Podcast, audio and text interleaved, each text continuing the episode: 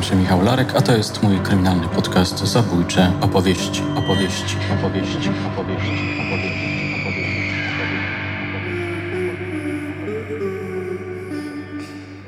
Czego się lęka strażnik więzienny? No wiadomo, że y, jednak ta opcja tych pedofili to jest najgorsza. Było trochę? Jest, było ich, jest i będzie i no często się zdarzało, że chodząc w nocy, prowadząc nasłuch, to się trafiało, że się posłuchało tych osadzonych, jak oni sobie opowiadają, jak to czynili z tymi dziećmi, no to wiadomo, że człowiekowi się Czy oni snuli opowieści o tych swoich czynach? no, sobie opowiadają, co, jak robią, gdzie, kiedy.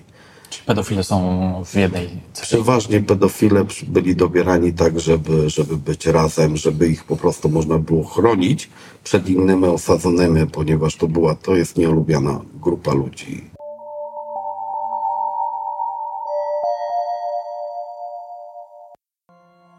Poznajecie ten głos? Jakiś czas temu mogliście go usłyszeć w serii Szybkie pytania do eksperta. Tamten odcinek był zwiastunem materiału, który dzisiaj mam przyjemność Wam zaprezentować. Tak, to Jerzy, emerytowany strażnik więzienny, który pracował w areszcie śledczym Warszawa Białęka. Zanim zaczniemy, oddam głos Marcinowi Wajckiemu, znanemu Wam psychologowi, psychoterapeucie, seksuologowi, który poznał mnie z Jerzem i zorganizował wspólne spotkanie. Z Jerzym współpracowałem przez wiele lat. E, To jest e, jeden z najlepszych funkcjonariuszy, z którymi miałem do czynienia. No, duże doświadczenie. To jest człowiek, który no, nie dość, że wzbudzał zaufanie wśród osadzonych, którzy w diagnostyku mieli różne problemy, a jednak Jerzy potrafił jakby zaradzić tym problemom. Plus dodatkowo jakby wzbudzić ich zaufanie na tyle, że jak coś się działo, to oni pierwsze co to wpierw do niego szli, dopiero później aktualnie do psychologa i w ogóle, no chyba, że y, psycholog był ba- jakoś bardziej dostępny, no to tak, to wtedy jeszcze do, do psychologa, ale jakby Jerzy był taką e, pierwszą e, linią między osadzonymi innymi funkcjonariuszami. Też y, nie ma co ukrywać, no, duże doświadczenie. No, dużo wyuczył rzeczywiście młodych funkcjonariuszy, którzy do dzisiaj pracują i rzeczywiście dobrze go wspominają, no bo uczył konkretnych rzeczy. Ja też się wiele od Jerzego e, e, nauczyłem, przede wszystkim pracy, e, takiej specyfiki pracy e, jako funkcjonariusz. Zawsze wiedziałem, że jeżeli e, on jest na oddziale, to mogłem na niego liczyć, na jakieś wsparcie. Czy na przykład jak e, czułem zagrożenie ze strony innego osadzonego, to zawsze mogłem pójść do Jerzego i powiedzieć, że jakby co tu tam zaglądaj raz na jakiś czas do mnie. Bym wiedział, że ty gdzieś jesteś. podstawa taka. Myślę sobie, że służba wiele straciła z tego, że on odszedł na emeryturę, e, bo już takich funkcjonariuszy praktycznie nie ma. Moje drogie, moi drodzy, zapraszam Was na wycieczkę do aresztu śledczego. Naszymi przewodnikami będą Jerzy oraz Marcin Walicki. Poczułeś, kiedy odszedłeś na emeryturę? Z początku to tak e, brak, e, bo nie wiedziałem, że co zrobić z czasem. Bo człowiek jest tak e, już nastawiony, że przychodzi dzień służby, wiadomo, już nic nie planuję, tylko jadę na służbę. Przychodzi nocka, wiadomo, nic nie planuję, jadę na służbę. E, znaczy, z początku to taka dezorientacja. E, człowiek, no, zadobywa się tego dużej ilości tego czasu i nie wie, nie wie jak, się, jak, się, jak się odnaleźć. Nieraz tam w nocy co się budziłem i wpadały mi jakieś pomysły, a jutro sobie to zrobię. I łapałem się za kilka rzeczy naraz, żeby to zrobić i przeważnie było tak, że nie kończyłem. E, Teraz stopniowo, stopniowo zaczynam już może powolutku do siebie dochodzić, ale jednak e, ten stres taki ogólnie, jak idę po drodze, po ulicy i czy jakiś osadzony mnie nie rozpozna, czy, czy nie będzie mi groził, czy, czy no miałem e, spotkanie z jednym w Biedronce nawet, osadzonym, który poznał mnie i i pytał się, czy dalej tam pracuje, czy no nie miał żadnych problemów, nie był wrogo nastawiony, także nie skończyło się to źle, tylko na zwykłej rozmowie, ale no człowiek ma to jakieś takie zewnętrzne niepokój, jest takie mm, przemyślenia, a żeby się coś nie stało, czy rodzinie, czy komuś, bo wiadomo, że przyjedzie, zobaczy pod dom, gdzie mieszkasz, co robisz, jak, czym się zajmujesz, o której, no wiadomo, no to jest, to jest, to jest życie, no.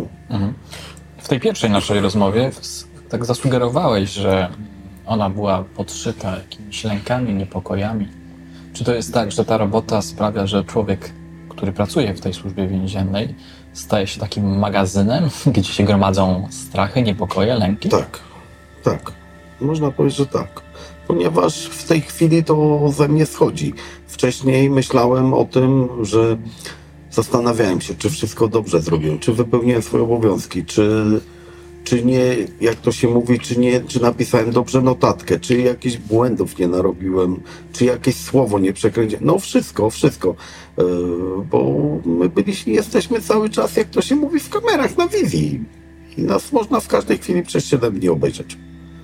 I każde nasze, jak to się mówi, błędy wytknąć, tylko że nie stanie ta osoba, która przegląda i nie pokaże, jak to zrobić, tylko trzeba karać tych, którzy tam to robią, nie? No, Zro- Zresztą nie ma co ukrywać, właśnie funkcjonariusz cały czas żyje tam w stresie. Jak nie od strony przełożonych, to też musimy pamiętać, z kim pracujemy. Jakby no, nie ma co ukrywać, y, niektórym osadzonym nie zależy na tym, że odbywają karę pozbawienia wolności i będą grzecznie siedzieć. Szczególnie w ośrodku diagnostycznym, gdzie mieliśmy do czynienia też z różnymi zaburzeniami. I tam często osadzeni też jakby za dużo się nie zastanawiali, jeżeli chcieli dokonać jakiegoś y, zachowania niezgodnego z regulaminem. Więc też trzeba było uważać, czy i mieć się na baczności, czy ten osadzony przypadkiem się na ciebie nie rzuci, nie skróci dystansu. To jakby no nie ma co ukrywać, różnie z nimi bywało. No właśnie, chciałem cię Jerzy zapytać, czy ty czułeś też zagrożenie ze strony osadzonych, o którym Znaczy ja mówi... byłem i oblany barszczem ukraińskim i herbatą i dostałbym taboretem, także to różnie bywa, bywało, nie? Był przypadek, gdzie funkcjonariusz miał złamany nos, bo osadzony wychodząc do wychowawcy zachował się normalnie, a raptownie, jak to się mówi, wypalił oddziałowemu z prawej pięści i złamał mu nos, łącznie ze szczęką. Jeden chłopak stracił oko. Ja sam osobiście przeglądając e, wizjery też miałbym wkład wokół. To też była taka sytuacja, gdzie chciałem zajrzeć, jak to się mówi, w ten wizjer, zobaczyć, ocenić stan celi i zachowanie osadzonych i w tym czasie dźgnął wkładem od długopisu. I no, tylko, tylko, tylko kwestia, nie wiem, no może trochę, że i wiedziałem, że ktoś stoi pod tymi drzwiami, bo jednak, tak jak mówiłem, że trochę, trochę jest słychać i, i to jest takie, takie, e, no człowiek przy, podchodzi do tego z dystansem od razu. Ale trzeba przyznać, że niektórzy funkcjonariusze takiego szczęścia nie mieli. Bo bywały takie przypadki, na przykład, gdzie funkcjonariusz słyszał, że coś się dzieje w celi, podszedł, żeby przyłożyć ucho, czemu osadzeni się kłócą i nagle z tak zwanego fikoła, czyli z taboretu, osadzony walnął z całej siły w drzwi. I mm, efektem czego osadzony stracił słuch. Pełnięcie Tak. bębenka. No, pęknięcie bębenka i do dzisiaj chyba obecnie nie słyszę na te ucho. No tak, ma niedosłuch i to w dużym stopniu. I nikt mu nie chce tego uznać, jako że to wypadek w pracy. Nie? Naprawdę? Tak. I jest szarpaczka. No powiem tak, że no tutaj, tutaj jeszcze a propos tego wewnętrznego takiego niepokoju, no to no jest, no. Ten stres on będzie, bo to człowiek, człowiek tego nie, nie, już nie, nie, nie wypali, to nie przejdzie. Do końca życia Do zostało. końca życia dostaje takie skrzywienie za- zawodowe, jak to się mówi. Ja nigdy nie planowałem, że będę, jak to się mówi, pracował w więzieniu, a, a jednak tak się stało, nie? Zresztą nie ma co ukrywać, e, stres pourazowy wśród funkcjonariuszy służby więziennej to mm, często występuje. Tylko, znaczy na szczęście teraz dużo funkcjonariuszy już jest świadomych te, te swoich problemów i chodzą na psychoterapię czy e, coś w tym stylu. Znaczy, Mm, e, Często to są funkcjonariusze, którzy chodzą na psychoterapię albo jak już odchodzą z, z więzienia, albo już odeszli, bo też jest tak, że no jest też skrzywienie, że jest ten strach, że jak jestem funkcjonariuszem, pójdę do psychologa, to się nagle wyda i nagle będę miał e, problemy jakieś. Więc, no ale ci, co już odeszli, to mają większą tą samoświadomość i próbują coś ze sobą zrobić, bo jeszcze tam powiedzmy te 15 e, lat temu, to e, szczególnie gdzie w naszym kraju no, ta psychologia nie była aż tak popularna, albo inaczej, była bardziej traktowana jako coś takiego, że no wariaci tylko tam chodzą, tak, tak. to większość funkcjonariuszy popadało w alkoholizm, bo sobie nie radziło z tym. I to już nie chodzi o służbę więzienną, to chodzi o jakby o każdą e, e, służbę mundurową. Służbą mundurową, tak tutaj to jest taka sytuacja, że no, człowiek jest nadal to, a pójdziesz do psychologa, to ty już jesteś, jak to się mówi, masz nie po kolei w głowie, już ci zaczynają podśmiewujki sobie, jak to się mówi, yy, że ty jesteś psychiczny, a to to, a ty może nie nadajesz się i takie, takie doku, dokuczania, takie wstrzyki. Mhm. I to też koledzy też to stosują, jeśli się to wyda, nie?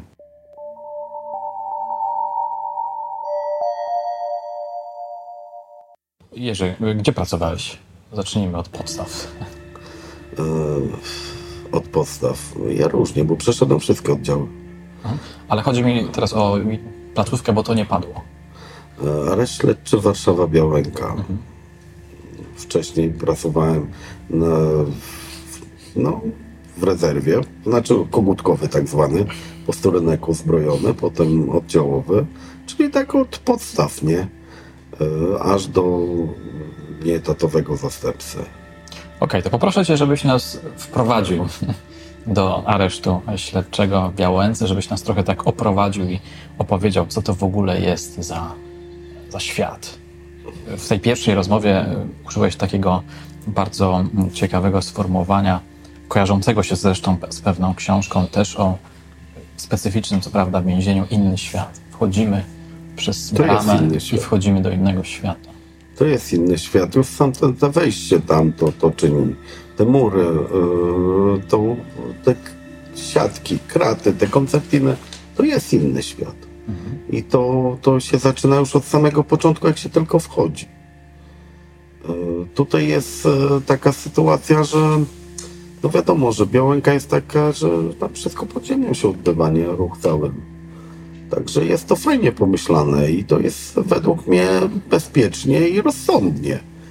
Ale to, tutaj to po samym wejściu, no to zaczynając od tego, no to wiadomo, no przeszukanie bramki, yy, nieraz pies. Także tam jest, jest tej roboty na ruchu pieszych, na paczkach, wszędzie, na widzeniach. Także tutaj no, każdy oddział zamknięty Wejścia nie ma bez osoby, jak to się mówi, bez osoby prowadzącej, czyli przeważnie jak jakiś cywil czy coś, to nie wejdzie sam, bo tam musi być funkcjonariusz z nim. Także nie ma żadnego ruchu takiego, że możesz sobie chodzić gdzie chcesz. Nawet teraz się ze mnie śmieją, jak mi się zdarza przyjść na badania na Białękę, to rok minął odkąd byłem funkcjonariuszem, a już y, muszę chodzić z obstawą. No. No ja miałem zdarzenie, że nie weszłem. Aha. Już, mimo, że pracowałem tyle lat. No, tylko, tylko tyle, że ta osoba, do której przyjechałem, zaraz wychodziła do domu i mogłem z nią porozmawiać, bo tak to bym pocałował, jak to się mówi, klamkę. Mimo, że mnie znali wszyscy, że wiedzieli i, i to nie jest, to, to nie ma takiej tej, no mówię, to jest przez to, przez to jest wszystko tak inaczej. Okej. Okay. A gdybyś tak miał rzucić parę haseł, które by opisały klimat tego miejsca, aurę tego miejsca? No, szczerze, dużo, dużo do życzenia mają stany oddziałów, cel. To jest, e, to jest, to jest no, masakra, nie? Bo to jest, e, to nie chodzi już nawet o to, że, że to jest stare to jest zaniedbane, to jest e, niedokończone, niedo, jest masa takich rzeczy, które wymagają mm, częstego remontu. No i druga sprawa jest też, e, osadzeni też nie dbają o porządek, o, o to, żeby te cele wyglądały jakoś, żeby, żeby, żeby, żeby to świadczyło o nich. Ja tam chodząc to mówiłem, słuchaj, posprzątaj to, ponieważ e, jeśli tego nie posprzątasz, to ja ciebie ukażę, ja ci zrobię takie przeszukanie w świetle regulaminu, że ty będziesz miał tylko to, co ci się należy. Reszta wyjedzie. No i oni dbali o ten porządek. Cele były zadbane, czyste. Nie miałem problemu z, jak to się mówi, tak jak na oddziałach były ze zwierzątkami, czyli z wszamy, no bo było to częste, bo ludzie nie dbają o higienę, o, w ogóle o czystość. To tutaj tak, tego starał się człowiek unikać, nie, żeby, żeby tego no miałem, miałem jedno takie dziwne zdarzenie i to mi się też, też mi trochę utkwiło, że były rozprowadzane przewody do kamer, do czytników, no i był e, wielki taki zwitek przewodów, który spadł mi w nocy na szyję. No, fakt, że ja jestem ciśnieniowy, mało nie zeszłem wtedy, ale to, to po prostu się zsunęło, ponieważ cię, jak osadzeni włączają ciepłą wodę sobie pod celą, to ta rura drży a to było niezabezpieczone i to sobie tylko tak leżało. Ale odpowiedzialność za to to poniósł oddziałowy, nie? Ponieważ przyjechała kontrol i do oddziałowego się czepnęli, dlaczego te przewody są na wierzchu, mimo że on tego nie robi. On ma inne obowiązki, on ma swoje obowiązki. I dlatego tam takie, takie no bardziej kwestie są tylko tych, tych e, wyglądu tego. Pamiętam, że jak byłem w bieszczadzkich zakładach karnych, to w celach było mnóstwo świętych obrazków z papieżem. Oni mogą mieć, ale do określonej ilości. Ja już nie pamiętam, ile Tak. teraz już jest. Ale... Tak. Znaczy ogólnie i zdjęcia też i chyba pięć sztuk bodajże, nie? To zależy też gdzie, bo, bo, bo ten, e, nie wszyscy są tacy. U nas na tym tym to było niewiele cel, gdzie były Aha. święte obrazki. Ja myślałem, jak tam szedłem, to miałem wrażenie, Bardziej, że wchodzę bardziej, do... bardziej wychodziło to, że się chodzi, zrywa, chodziło i zrywało zdjęcia z gołymi panienkami. Aha. No to byłem w bardzo nagminne. zakładzie karnym. Chyba. No.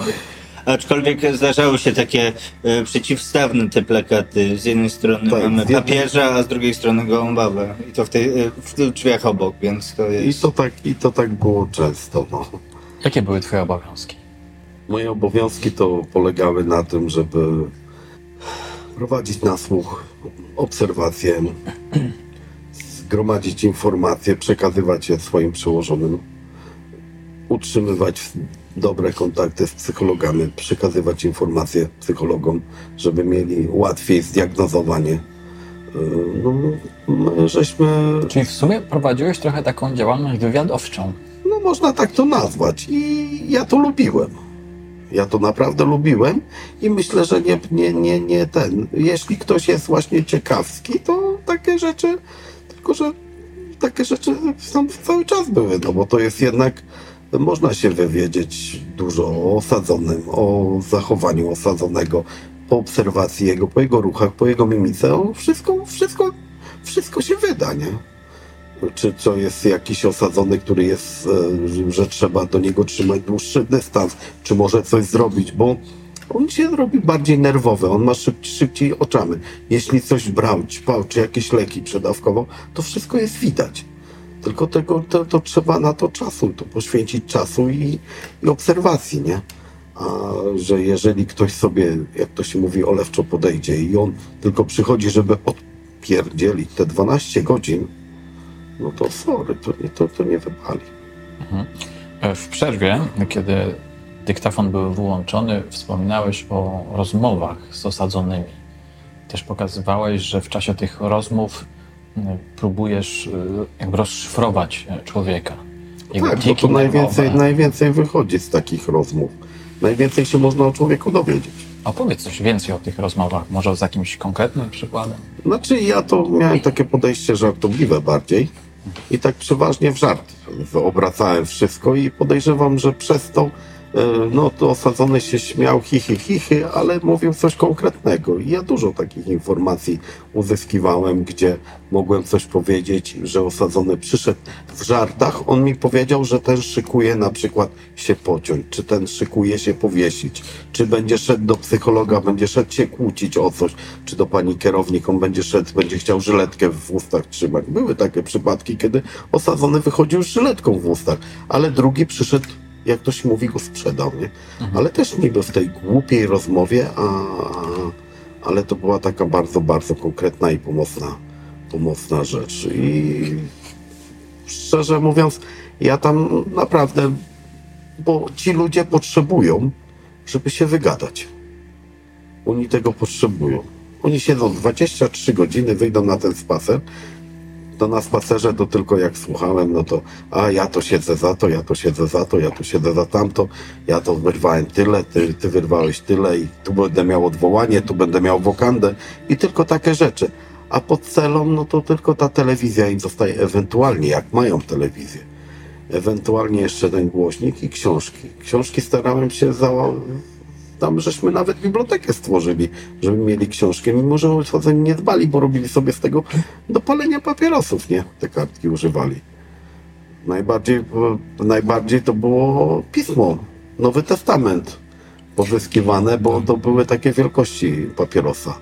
Tak, właśnie kiedyś się zdziwiliśmy, jak y, ksiądz czy tam katechetka przy, y, przynieśli właśnie y, ten Nowy Testament, to było takie, to była wersja kieszonkowa. I tak w ogóle się zdziwiliśmy, czemu ludzie, e, czemu osadzeni tak brali tę hurtową. Zamiast że... bibułek. I okazało się później, jak było przeszukanie celi, że traktowali to zamiast bibułek, bo rzeczywiście papier był identyczny. No. Ciekawe. A gdzie ty toczyłeś tę rozmowę? Znaczy ogólnie ja starałem się tak... Y nie robiłem takich podejść, że wypytywać się za sąsiedzi, co jak. Jeśli takie pytania zadawałem, to różnie, idąc z nim, prowadząc go gdzieś, czy, czy do wychowawcy, to miałem ten moment, kiedy byłem z nim sam na sam i mogłem się podpytać o takie naprawdę takie poważniejsze rzeczy. A takie głupie rozmowy, takie dyskusje, to przeważnie przy współosadzonych, żeby to i każdy się mógł pośmiać. Nawet takie sytuacje były, gdzie osadzeni byli, dobijali się o telefon, o łaźnie, czy o coś, naprawdę było głośno, to tak, żeby to wyciszyć, no to zawsze szłem, obracałem to w żart, żeby się podeśmiać, jak to się mówi z nich, a i później się sami śmiali z siebie i no nie wiem, jak to określić dosłownie, bo, bo tu jest e, taka sytuacja, że tego się nie da tak powtórzyć. Zresztą Dosłownie. nie ma co ukrywać, że to był taki zawsze oddziałowy, który wzbudzał duże zaufanie wśród osadzonych. To jest tak, że mm, na oddziale na przykład diagnostycznym, no, my psycholodzy byliśmy od 8 do 16, tak samo jak kierownik, chociaż zdarzały się y, osoby, które wychodziły i o 15, bo tak mogły. Natomiast bardziej chodzi o to, że po godzinie 16 już oddziałowy jest sam, więc y, już nie ma tego wsparcia psychologicznego czy, y, czy poprzez wychowawcę. Zdarzają się psycholodzy dyżurni czy wychowawcy dyżurni, no ale nie ma co ukrywać, jakby ci, co nie pracowali w ośrodku diagnostycznym, nie do końca znali to, y, specyfikę tej pracy. Więc na przykład taki Jerzy często miał, miewał sytu, mógł mieć sytuację i miewał sytuację, jak to się mówi, po więziennemu osadzonemu paliła się głowa i musiał jakby sam sobie radzić poprzez rozmowę, e, często jakby tłumił te emocje, jakby uspokajał tych osadzonych. Na tyle robił to do, efektownie, że nie była potrzebna żadna pomoc lekarska, czy tam, czy, czy, Rzadko się takie. czy na przykład konwój w kierunku szpitala psychiatrycznego. Osadzeni taką ufali w sumie wychodzi na to, że ten twój zawód był mocno związany z samotnością, tak? Byłeś jakby rzucony... Tak, tak, bo tak było. pożarcie w pewnym momencie. No w, tym, w tej sytuacji to osadzenie, to tak jak tu było przytoczone, po 16 godzinie, to się budziły wszystkie ich obawy. Oni zaraz byli chorzy, oni zaraz wszystkiego chcieli na to, na już, no i człowiek wtedy, ten oddziałowy zostaje sam jak to się mówi, i on musi poradzić sobie jako psycholog, wychowawca i jako pielęgniarka jeszcze. Bo kiedyś były opcje, że my żeśmy sami wydawali leki osadzonym i mi to nie przeszkadzało, aby ta siostra przyszła i odpowiednio mi przyszykowała te leki w tych pojemniczkach, gdzie ja mogłem jej te i podpisane i mogłem je wydać osadzonym. No, była taka sytuacja, może to jest śmieszne, gdzie się potknęłem, wszystkie leki mi się zmieszały, bo się rozsypały. No to poszłem do osadzonych po kolei. My, słuchajcie, nie dam wam leków, bo mi się rozsypały, koloramy wam nie będę dawał. No i żaden nie miał problemów. Dobrze, panie oddziałowy, ja wytrzymam. Ale poszłem, potraktowałem ich jak ludzi. I powiedziałem im to uczciwie. Drugi by może przyszedł, nie powiedziałby nic, albo zwaliłby na służbę zdrowia, ona nie przygotowała, już by była afera. Już na drugi dzień by była z tą pielęgniarką kłótnia. Nie, po prostu ja to przyjęłem, bo ja to sknociłem, ja to przyjęłem na siebie, nie? I takie podejście miałem. I może dlatego też osadzeni tak inaczej to odbierali. Czyli co, twój patent na tę robotę to była empatia i szczerość, tak? E, no, duże lawirowanie, żeby, jak to się mówi, nie przekombinować. Aha. Aczkolwiek no nie ma co ukrywać, Jerzy był bardzo, y, jest bardzo empatyczny do dzisiaj. Natomiast y, uwa- znaczy tu tak jak opisałem na swoim Instagramie odnośnie tego pacjenta, który miał niepełnosprawność intelektualną w stopniu umiarkowanym. I, i, i do Jerzego na przykład mówił wujku i był, znaczy bo jakby Jerzy nie miał... Co? Ciekawe. E, tak, i jakby Ale nie miał, nie miał, nie miał pro, jakby, bo Jerzy podszedł do niego jakby tak z takim, z takim ciepłem. No bo rzeczywiście przy tej niepełnosprawności, no osadzony kompletnie nie zdawał, znaczy on też nie do końca wiedział za co jest, nie zdawał sobie sprawy, że coś złego zrobił. To troszeczkę, no, powiedzmy tak, mentalnie był jak, nie wiem, 8-10-latek. A No, mówimy o, rozumowanie. tak. I Jerzy, Jerzy rzeczywiście dużo mu pomaga, pomagał. No też nie ma co ukrywać współosadzeni, którzy siedzieli z tym panem e, w celi mieszkalnej, ale Jerzy rzeczywiście dużo tak e, przesiedział z tym osadzonym na tyle ciekawie, że okej, może teraz to byłoby niedopuszczalne i tak dalej, no ale wtedy jakby wszyscy jakby mrugaliśmy do tego okiem, no bo jakby Jerzy, no ten osadzony w pewnym momencie podszedł do Jerzego i go przytulił. Jak, jak dziecko. no, ale- Wychodząc, wychodząc wyjeżdżając Tak. z oddziału, on przyszedł, e, wszedł koło mnie, położył głowę na ramieniu No. i powiedział, wujku będzie za mną tęsknił. No, A to nie było to. To było to, że e, poszedłem, wiedziałem, że on jest taki. Wiedziałem, że może paść jako ofiara jakichś tam in, tych os- współosadzonych, że będą się nad nim znęcać, czy go usiłować, wykorzystać, czy coś. Nie, mówię, chodź chłopaku, mam dla ciebie pracę. Jaką pracę? Chodź przetrzesz parapety, chodź sprzątnij, zamieciesz korytarz. Brałem go do pracy, takiej wewnątrzoddziałowej czy łaźnie, czy coś, on się cieszył z tego, bo po prostu wyszedł na te parę minut i a to znalazł sobie jakiś niedopałek papierosa, bo palił, nie miał pomocy, nie miał wsparcia, to się z tego cieszył. I czy w bibliotece książki ułożył, to, to, to, to dla niego to, to już było coś. I tak większość, nawet m, małolaci ćwiczący, to była moja taka dewiza była, że mieliśmy takie kiedyś, mm, to się nazywało czołg, ale to była floterka. Tak. I ta floterka u mnie na oddziale ważyła 96 kilo. To był wielki taki jakby e, płaski kamień i na tym Taka płyta na- betonowa. Płyta betonowa i na to było, Koce były nałożone. koce nałożone. No. I to była taka opcja. I miałem kilka cel małolaskich. Mówię, żeby was energia nie rozpierała. Będziecie dzisiaj podjazd robić, a podjazd to są ćwiczenia siłowe, które osadzeni sobie wykonują w celi. Czy robiąc przysiady, czy, czy nawet pompki, czy to, czy tamto. No będziemy. A może chcecie z czołgiem pojeździć? Zrobicie 50 i nie trzeba będzie przysiadów robić, bo wam nogi pójdzie. O, dowódco z chęcią. I tak ja miałem zawsze dużo chętnych do takiego, do takiej roboty. Bo ja wolałem pójść, spytać się go. Jakbym poszedł na siłę go chciał wyciągnąć, no wiadomo, on by stanął koniem, nie chciałby, nie chciałby wyjść w ogóle, nie? Mówię, wyjdziecie tam ileś razy, ja wam wypiszę ten wniosek. Coś wam, co, co wy jakoś nagrodę dostajecie, czy dostaną dodatkową paczkę, czy coś. No niech ten człowiek myśli, że za darmo tego, jak to się mówi, nie robi ale no nie była, nie będę też kłamał, że to nie była, że ja nie pisałem tych kwitów, tylko szłem, znaczy wniosków, tylko szłem, prosiłem wychowawcę, czy psychologa, czy kierowniczkę i w takiej i w takiej sprawie prosiłbym o napisanie wniosku nagrodowego dla tego i dla tego osobnego.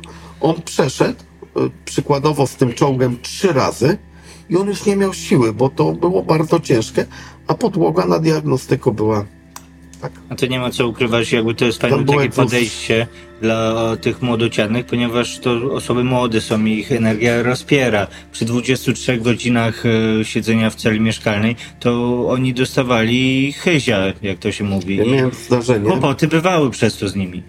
A jak się tak zmęczyli, cisza, spokój i oni szczęśliwi i podłoga czysta. I spali zaraz jak Tak. dzieci. Ale miałem zdarzenie, kiedy właśnie miałem mało latamy, wybuchła kłótnia, kiedy był za głośno telewizor i się zaczęła bójka. I jeden taki był naprawdę, on widać było po nim, że też jest niepełno, nie, no, niepełnosprawności. psychiczny i dołożył tym dwóm.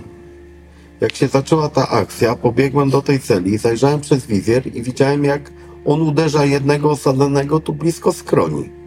Tamten już leży, praktycznie się, mówię, zaraz go zabiję. Wpadłem do środka, skrępowałem tego osadzonego, który bił tamtych dwóch, wyniosłem go z tej celi. To żeby nie wychowawczyni, to wtedy by była jeszcze gorsza akcja, bo drugi, ten współosadzony, wykopał rzeczy tego, tego, tego osadzonego z celi. Ja nie mogłem klapy zamknąć, bo trzymałem tego, miałem ręce zajęte, bo trzymając go w górze. Wychowawczyni podbiegła, wkopała te rzeczy tego osadzonego do środka, zamknęła drzwi celi i ja wtedy odruchowo odrzuciłem tego osadzonego na bok. I mówię, ale ty skubańcu silny jesteś. I to było takie chyba jakiś taki odruch kluczowy, że zaraz ten osadzony zeszło z niego powietrze błyskawicznie. Tak, tak, ja podjeżdżam i to już taka gadka się zaczęła. A później jak się zaczął wulgarnie do dyrektora odnosić, to aż mi było przykro, bo do mnie mówił panie oddziałowy, a do dyrektora mówił prosiaku. O kurczę.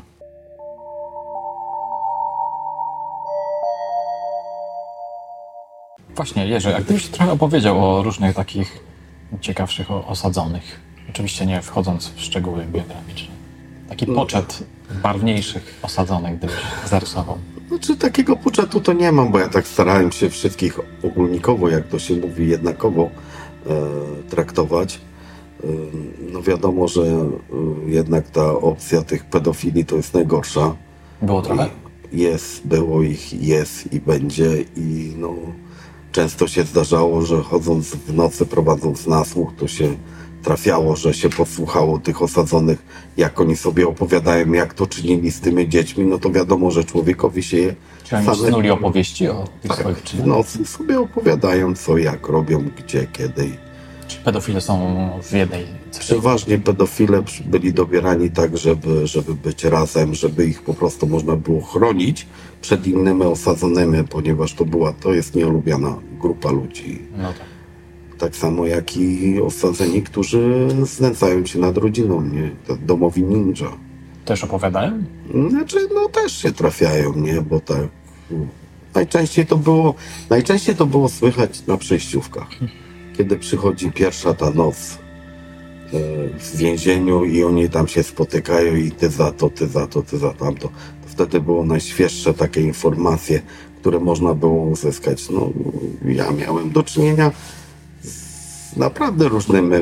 Naj, najciekawsi to są dla mnie ludzie, którzy pili alkohol i mieli takie odstawienie e, alkoholu raptowne i jeden nazywał mnie Marysią. Marysiu, znaj, otwórz mi drzwi, bo tu klamkę mi ukradli, a drugi mi kazał padać na ziemię, bo bomby rzucają, no. Trzeci mi kazał robaki zbierać z ziemi, no to takie najweselsze moje wspomnienia z takich, z takich zdarzeń. Ja wiedziałem, że ten człowiek cierpi, ale dla mnie to się wydawało śmieszne, no bo ja nie miałem do czynienia, znaczy nie miałem problemu z alkoholem, a, a taki człowiek, no już jest e, naprawdę skazany. Ja widziałem, jak osadzeni własnymi rękoma zrywali płytki ze ścian, ponieważ już pod wpływem tego braku alkoholu takie rzeczy się działy. No, no także no, są takie przypadki, gdzie, gdzie, gdzie no, ja najbardziej to tak nie spodziewałbym się, że jest status bestii, gdzie mieliśmy do czynienia z takim statusem, nie?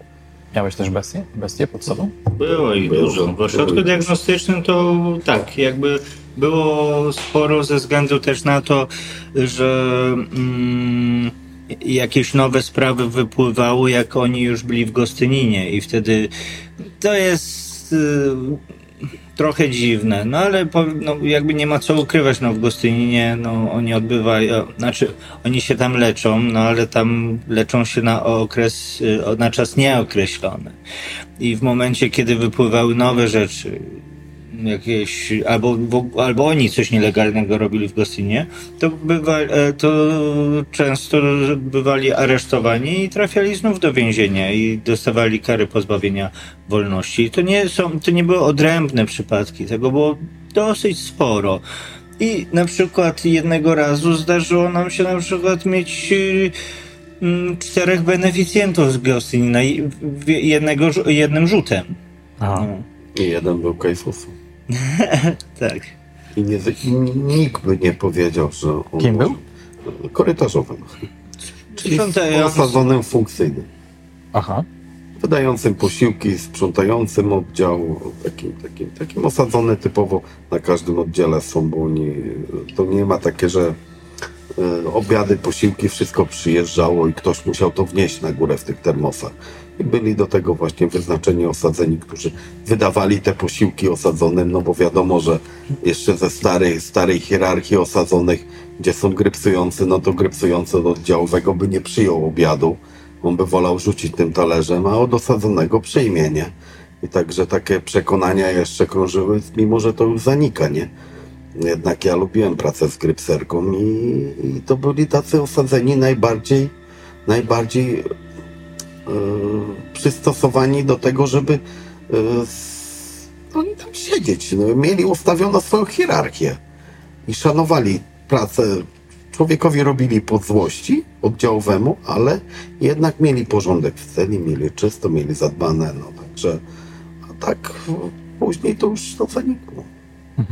Już nie ma tego. Teraz jest, jak to się mówi, nazywają to poszczególnie frajerstwo. A co ty y, czułeś, kiedy no właśnie na przykład podsłuchiwałeś rozmowę y, pedofilii, albo kiedy rozmawiałeś z jakimś zabójcą? Znaczy co, no ja się zastanawiałem, czy mi wypali, czy mnie uderzy, czy, czy jak. A pedofil to, no wiadomo, to jest, już jest taka opcja, że to nie tylko, to każdy normalny człowiek, wiedząc za co ta osoba jest, będzie go, no, poniżał, no. Ale tutaj, tutaj ta, ta, ta grupa, to według mnie to powinna być najcięższą karą pokarana, bo no bo jeśli wiem, jest to udowodnione, tak jak zasłychnąłem, to ja bym ich kastrował, tak szczerze mówiąc. No. Bo była taka opcja, że usłyszałem centralnie, rano weszłem i pytam się ich, co wy przeklałem, robicie roraty, odprawiacie, czy co, modły i zacząłem wypominać to, co, to, co usłyszałem na nosy, nie? To byli zdziwieni, że ja mam dobry słuch, nie? Aha. Bo ja potrafiłem nieraz zasłychnąć z końca korytarza, jak coś mówili. No. Bo się naprawdę echo dobrze niesie. Czyli co, oni właśnie w tej sali się zbierali i snuli sobie takie opowieści, żeby Tak. się podniecić, tak? Tak. Żeby przypomnieć sobie... Podejrzewam, że podniecić może nie tyle, że pod... może to też, ale po prostu nie wiem, naprawdę Żeby nie przypomnieć sobie te mam. przyjemności Może swoje. przypomnieć sobie przyjemności.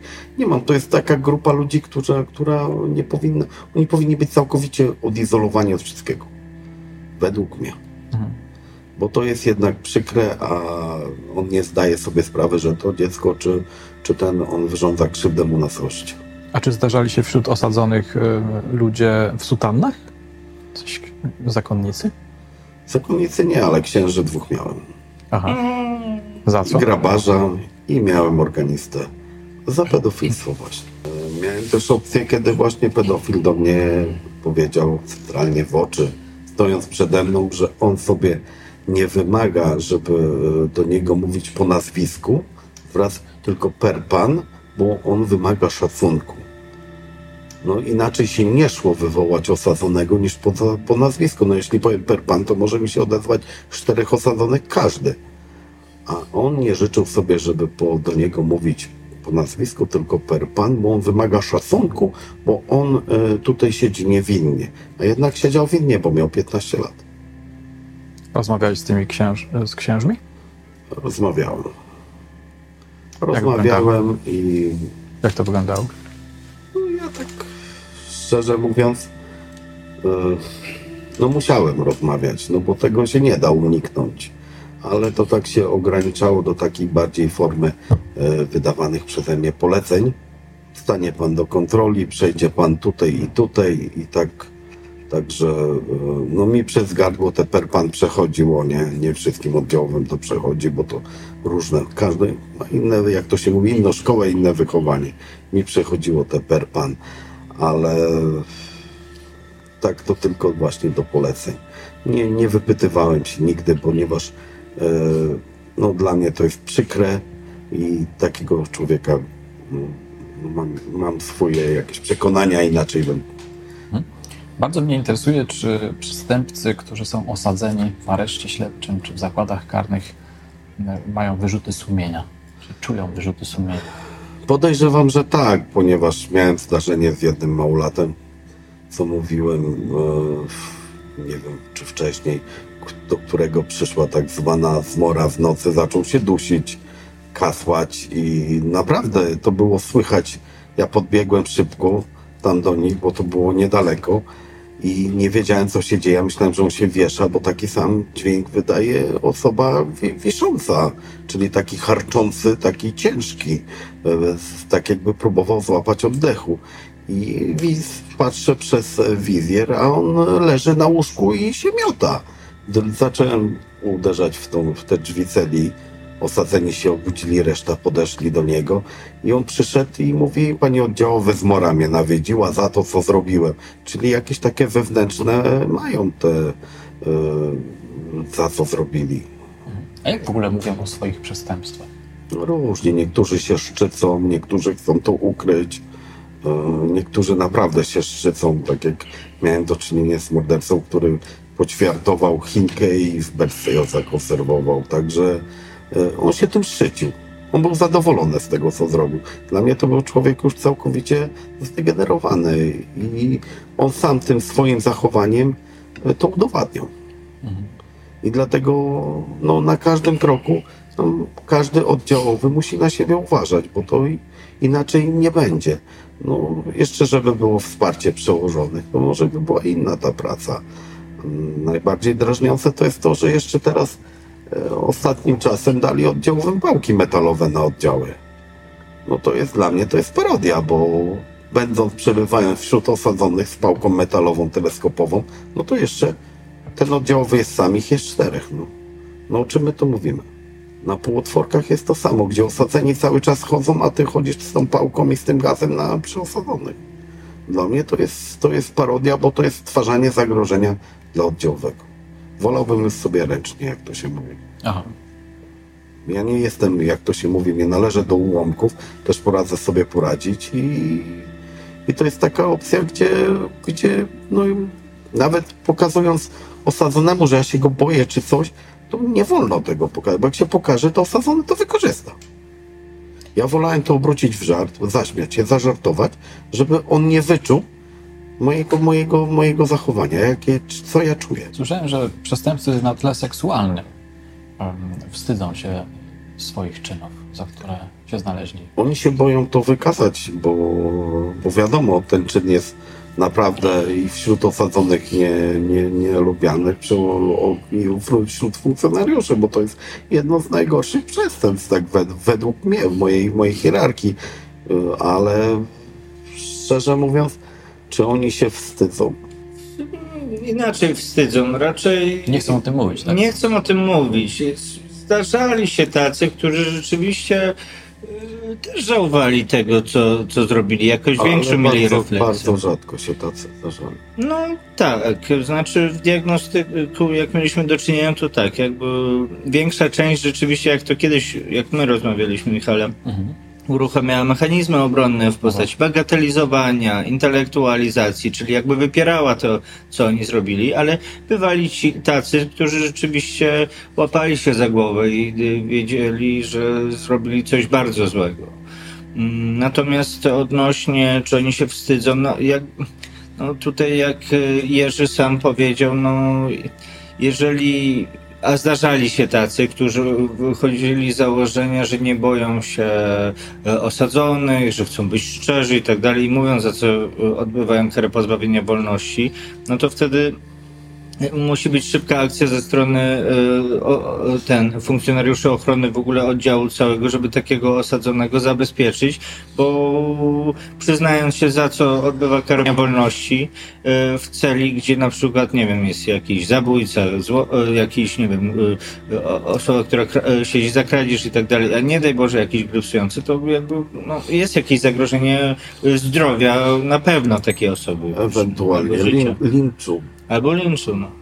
Bo to jest, no to za takiego człowieka, tak zwanego pedofila, odpowiada oddziałowy psycholog, wszyscy, bo później wszyscy się muszą z tego wytłumaczyć, dlaczego to doszło do sytuacji, że tej osobie się coś stało. I nikt tego na, no, no nikt na to nie ma żadnego wpływu. A miałeś seryjnych zabójców? Byli. Było ich sporo. Sporo? Także, no, na tyle lat było ich sporo, także. Aha. Miałem i grupy zorganizowane i seryjni, seryjni to tak szczerze mówiąc, na dziewiątce mieliśmy jednego. Był tam taki dosyć, dosyć poważny, jak to się mówi, gangus. Ale tam będąc inaczej podchodził do, do człowieka, do sprawy, inaczej, inaczej się zachowywał. No to się mówi, że seryjni zabójcy są, czy w ogóle zabójcy są bardzo grzeczni. Tak. Tak. I to przeważnie, e, ja teraz może troszeczkę, bo to takie delikatne skrzywienie jest, jak z kimś rozmawiam, nawet na zewnątrz i padają jakieś takie dziwne podteksty, czy jakieś odpowiedzi, to zaraz mi w głowie się buzuje, czy, czy on nie jest jakimś przestępcą, czy coś. No takie, takie typowe skrzywienie zawodowe już zostało i zostanie, nie? E, bo to tego, tego się nie da A co zwraca twoją uwagę? To zwracam. Właśnie ja jestem uczulony na tych pedofilii. I takie I podteksty seksualne, Takie tak? podteksty seksualne. Takie, no miałem sam do żony mówiłem swojej, mówię, słuchaj, ten ksiądz to on ma jakieś dziwne te, bo dotyka do ramienia, to, to, to, tamto. On dla mnie jest nie tego. No ja bym córkę przeniósł gdzie indziej, żeby komunię miała, czy coś, nie? No, no, tak zwracam na takie, na takie rzeczy uwagę. E, Na nerwowe jakieś tiki, takie, takie spojrzenia jakieś krzywe, czy, czy takie złowrogie spojrzenia, no tego to się zdarza, a ludzie, ludzie też są na zewnątrz jeszcze tym bardziej, e, bo my jesteśmy, my jako funkcjonariusze pracujemy w więzieniu. Osadzeni mają określoną e, swoją funkcję, gdzie muszą się zachowywać w jakimś tam stopniu do tych funkcjonariuszy tolerujących jako przełożeni dla nich. I oni muszą wykonywać polecenia, to, to no nie zawsze to dochodzi do skutku, nieraz tam jest e, ciężej, nieraz gorzej, tylko trzeba to jakoś ten, e, to, to, to osiągnąć od osadzonych, żeby zachowywali się zgodnie z regulaminem. Ludzie na wolności, czyli na zewnątrz, e, mają, nie mają tego, że są w odosobnieniu, są odizolowani od rodzin, nie mają wsparcia, nie mają tego. Oni, do nich to nie dochodzi i jeden drugiego nie szanuje bardziej. To jest tak e, trochę inaczej, bo my będąc, jadąc nawet w konwoju na szpital czy, czy, czy, czy gdzieś osadzonym, to też staraliśmy się poczekać w kolejce, żeby tym ludziom nie ten, e, nie, nie, nie sprawiać problemu. Były kłótnie, te pielęgniarki nieraz nie wiedziały, gdzie nas schować, no bo to jednak jedzie grupa uzbrojonych ludzi z osadzonym skutym, który ma założone kajdanki, ręce, nogi. Wiadomo, dla normalnego każdego człowieka to by było wchodźcie panowie, macie nadzwyczajną sytuację, przebadajcie, jedźcie. Nie, ludzie, ludzie, ludzie nie rozumieją tego. Dla człowieka jeden patrzy z zazdrością, drugi patrzy normalnie i to tak, to jest tak, no nie wiem skąd to się wzięło, no. Jak to się, do czego się to ma, no naprawdę. A ci seryjni zabójcy, Szczerze, ja już trochę nie pamiętam, bo ja później zostałem e, przeniesiony gdzie indziej, ale e, miałem, ten, no, najbardziej mi utkwił ten osadzony, który za, zawekował tą, jak to się mówi, Chinkę. On tam nie miał tylko jej na koncie, on miał chyba ze trzy osoby na koncie. E, wcześniej był też e, no, osadzony na trzynastce to tak człowiek się mocno nie zagłębiał, bo my do tych akt, jak to się mówi, no nie mieliśmy czasu na te czytanie tych akt, na zag- zagłębienie się tego. Ja mogłem tylko ocenić sytuację z rozmowy z osadzonym. Bo to trzeba było naprawdę poświęcić kupę czasu, żeby przejrzeć akta 70 osób. To jest tak, e, ja to tylko mogę ocenić po tym, jak on się zachowuje w stosunku do mnie. Bo jak on się do mnie wulgarnie zachowuje, to wiadomo, że ja będę do niego regulaminowy i będę do niego, jak to się mówi, ostrzejszy.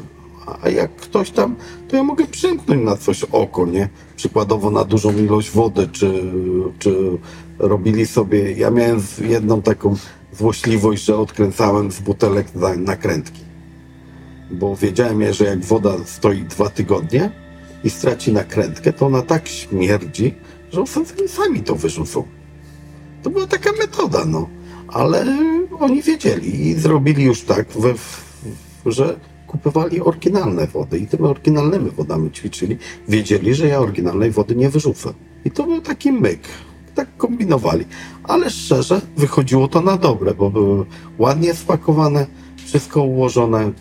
Nie przeszkadzało, bo ceny nie są za wielkie, także nie przeszkadzało to w. Nie przeszkadzało to skontrolować, żeby sprawdzić, czy ta zawleczka pod spodem jest urwana, czy nie urwana, czy woda jest zielona, czy tak.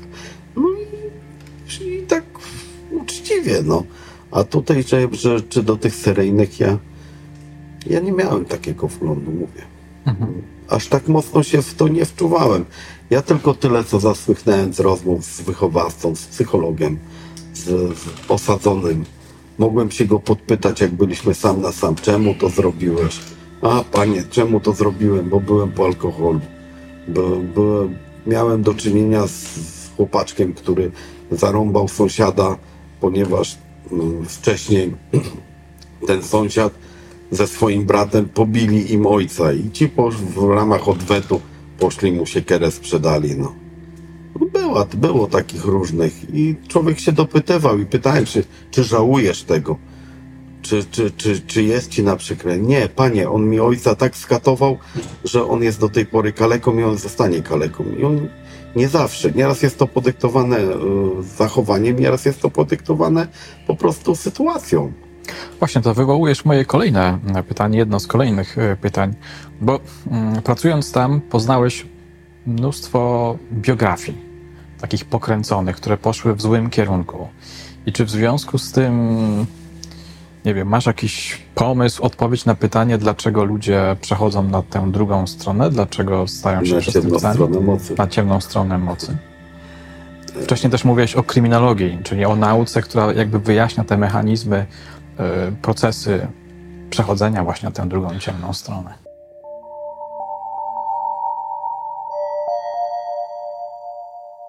Jest masa osadzonych, którzy wracają nagminnie, czyli takich drobnych złodziejaszków, e, ponieważ nie mają się gdzie ukryć, nie mają gdzie, jak to się mówi, przeżyć, może e, wolą pieniądze wydać na przelew, jak to się mówi, czy tam na narkotyki i oni co roku na tą zimę wracają, bo jest takie. E, Jest masa też i pijanych rowerzystów. To też, może teraz mniej, ale wcześniej było to też nagminne za sąsiedzi, za jazdę po pijanemu na rowerze.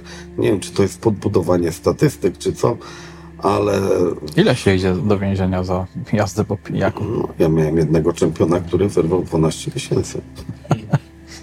Także e, tutaj, tutaj to nie ma takiego dobrego, jak to się mówi, określenia, żeby nie przejść na tą ciemną stronę mocy, bo, bo tego się nie da określić, bo to Mnóstwo jest przyczyn. jest, przyczyn jest mnóstwo, a w sumie rzeczy najwięcej to jest takich życiowych sytuacji, które popychają do tego. Masa długów, masa kredytów, masa, e, masa przykrości, czy jakichś rodzinnych wypadków, czy przypadków. No, no jest wszystko. Jest bardzo, bardzo, bardzo dużo takich rzeczy, które e, pozwalają lub towarzystwo, szczególnie dla młodych. Towarzystwo jest tragedia.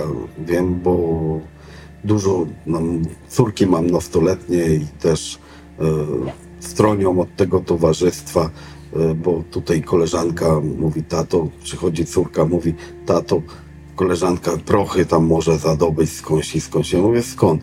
No bo przychodzi chłopak, cukierki da rozdaje, żeby uzależnić dzieci w szkole. No to co, no poszłem, przydybałem chłopaka, poinformowałem kolegę z policji, przyjechali, zwinęli go rzeczywiście. Cukierki były naćpane narkotykami i Aha. chodził, rozdawał dzieciom, żeby je, jak to się mówi, dealerka. No później dealera miałem na oddziale.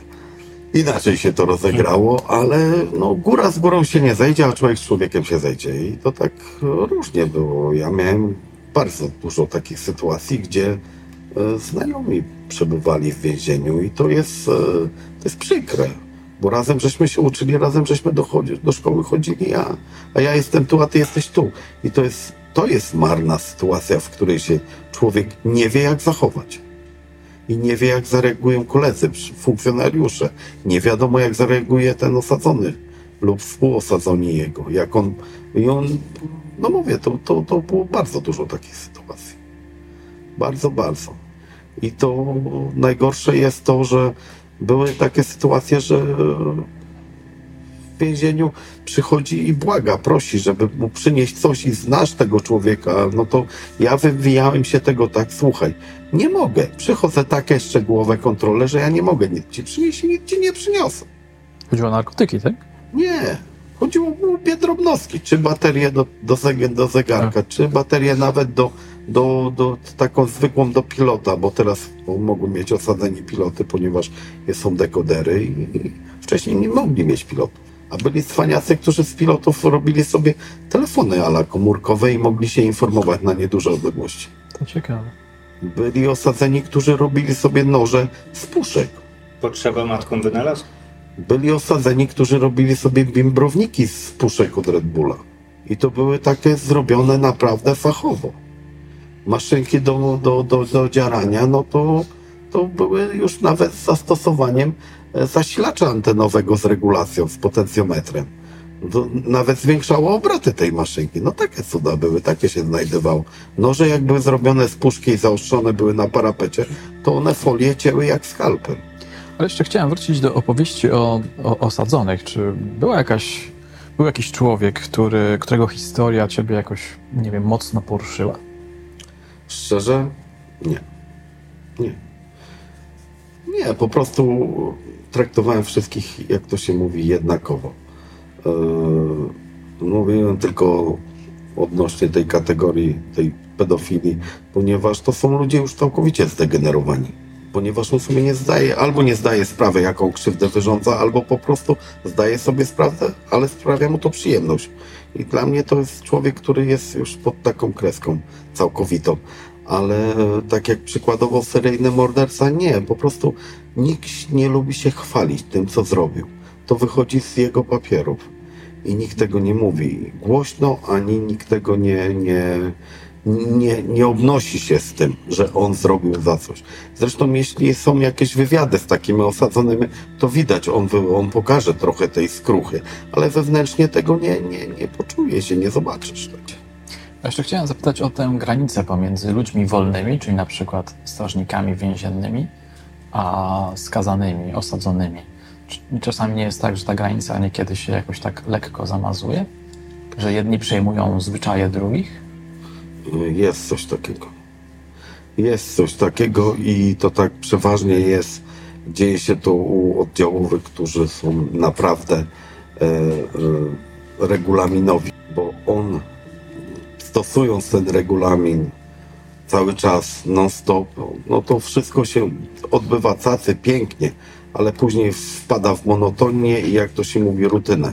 I to, I to się wszystko zaciera.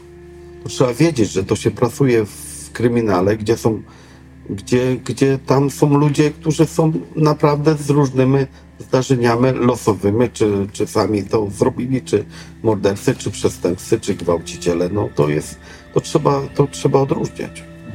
Jak wychodząc na powiem, wychodząc już, jak to się mówi, kończąc tą swoją służbę, wychodząc na zewnątrz, otworzyła się mi ta brama na szeroko, zawyły syreny. Poczułem taką olbrzymią ulgę. Naprawdę ulgę. To tak zeszło ze mnie normalnie powietrze. To była moja ostatnia służba. Zeszło ze mnie takie powietrze. Fajnie było, naprawdę fajnie. Ale z drugiej strony brakuje mi kolegów, z którymi pracowałem, bo po pójściu do kryminału wszyscy moi koledzy się odwrócili automatycznie. Nie wiem, czy zazdrościli tej pracy, czy po prostu zazdrościli tego, że pracuję jako mundurowy. Naprawdę nie mam pojęcia. Nie, nie, nawet nie próbowałem tego wyjaśniać, ponieważ tego się nie chce nikt odpowiedzieć na to pytanie. I tak tylko takie uszczypy, ty klawiszu, ty gadzie, ty to, ty tamto, no takie, takie, takie docinki. Tam miałem kolegów, tam wiedziałem, że idąc na interwencję, czy idąc na przeszukanie, ja mam kolegę, który mnie wspiera. I zawsze to uczyłem młodych. Zawsze próbowałem to przekazać. My idąc z Marcinem opukując kraty, wiedziałem, że Marcin stoi i mnie ubezpiecza. Ja wiedziałem, że mogę na drugim polegać. A to zanika. Młodzi wchodzą, albo przychodzą się boją, albo po prostu przychodzą, że oni, nie wiem, czy wejdą w jakieś układy, czy może ze względu na, czy może są z polecenia, czy może, jak to się mówi, yy, był kiedyś stary funkcjonariusz, bardzo, już prawie 14 lat jest na emeryturze i mówił na odprawie, że powinniśmy zrobić listę, kto czyj, jak to się mówi, wujek jest albo ciotka. No i tak, e, bo to jak to się mówi, tam przychodzi, odchodzi jeden funkcjonariusz, za niego przychodzi dwóch o tym samym nazwisku. Jak to się mówi, rodzinne, nie? No a to nie każdy się do tego nadaje. A czy nie jest tak, że y, ludziom, którzy są strażnikami więziennymi, nie grozi coś w rodzaju choroby zawodowej, jaką jest na przykład sadyzm? Znaczy, nie, nie, to zależy od człowieka. To naprawdę zależy od człowieka. Nerwowy, ne- człowiek jest bardziej nerwowy, czy sadystyczny? Nie, po prostu bardziej myślę, czy ja dobrze to zrobię, czy ja bardziej lepiej to wykonam i ile opcji mam wykonania tam jakiejś czynności, czy, czy porozmawiania z kimś. Bardziej się zastanawiam nad dobie, dobieraniem słów teraz, ponieważ żeby nie wzbudzić w kimś agresji.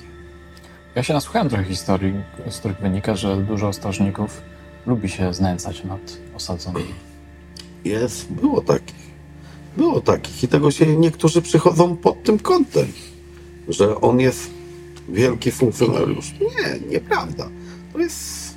Jestem potwierdza, że coś takiego bywa. Bywało. Znaczy, co nie ma co ukrywać, no nie będziemy No, no, poręczać bo za to- wszystkich funkcjonariuszy, natomiast Ja mogę tylko odpowiadać, jak to się mówi za siebie.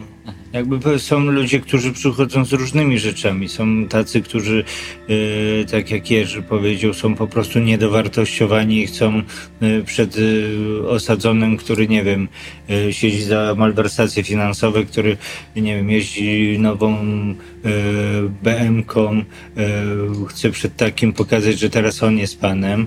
Kwestie, to są kwestie pojedyncze.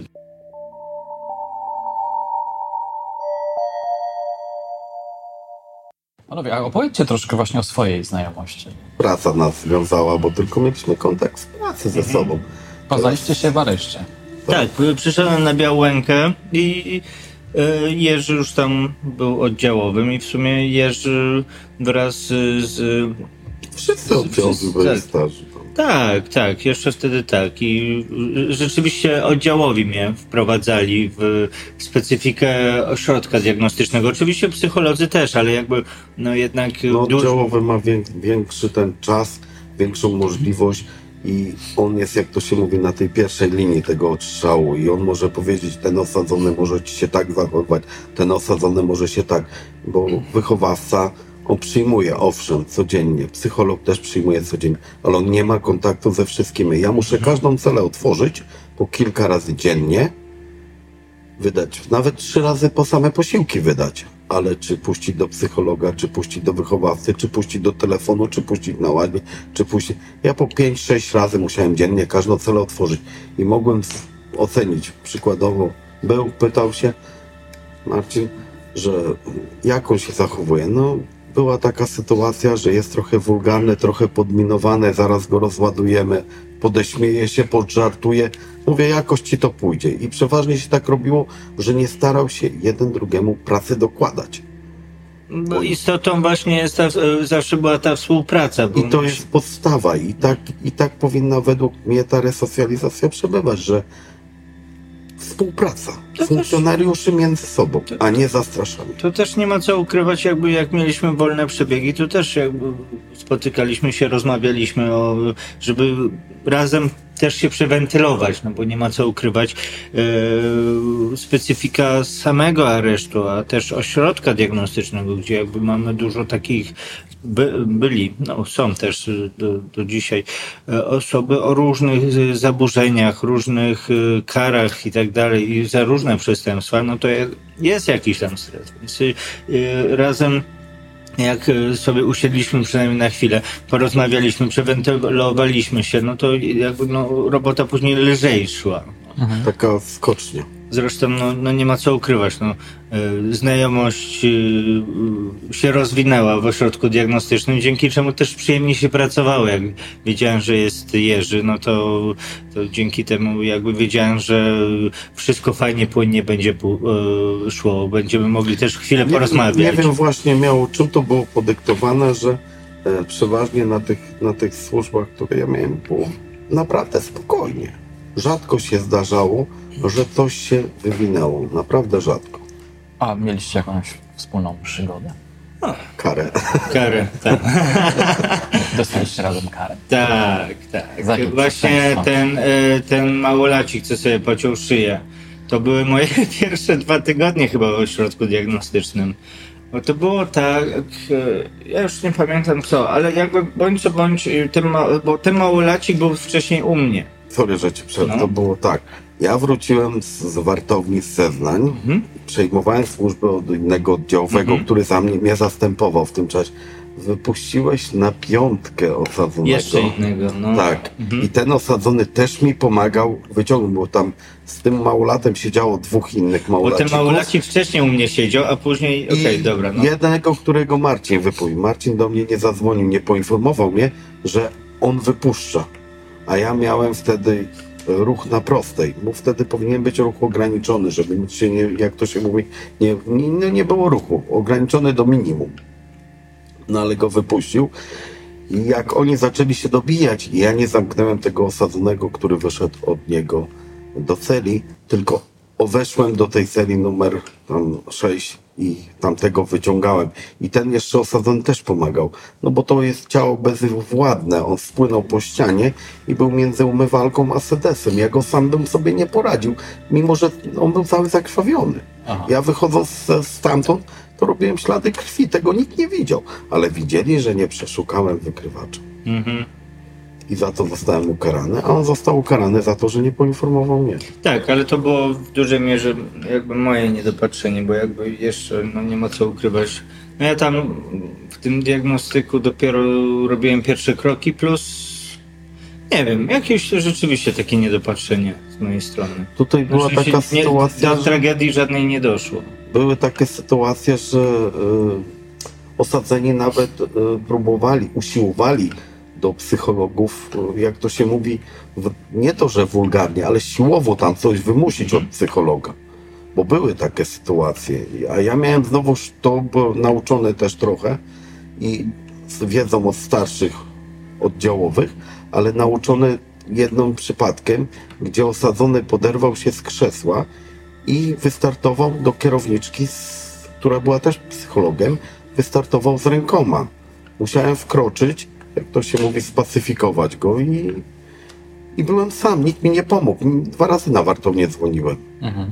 Kobieta się przestraszyła, zadzwoniła, była w stopniu majora i wreszcie jak wypaliła taką wiąchą, to dowódca się znalazł w przeciągu pięciu minut.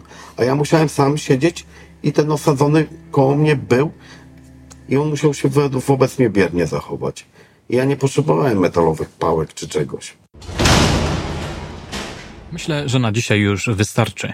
Trzeba opuścić mury więzienne i odetchnąć świeżym, wolnym powietrzem. Kto czuje niedosyt, może posłuchać mojej serii Więzienny Świat. To taki podcastowy reportaż, reportażyk opowiadający o mojej wizycie w bieszczadzkich zakładach karnych. Usłyszycie tam rozmowy z zabójcami oraz komentarze do tych rozmów zaprezentowane przez psychologa Macieja Gałowicza.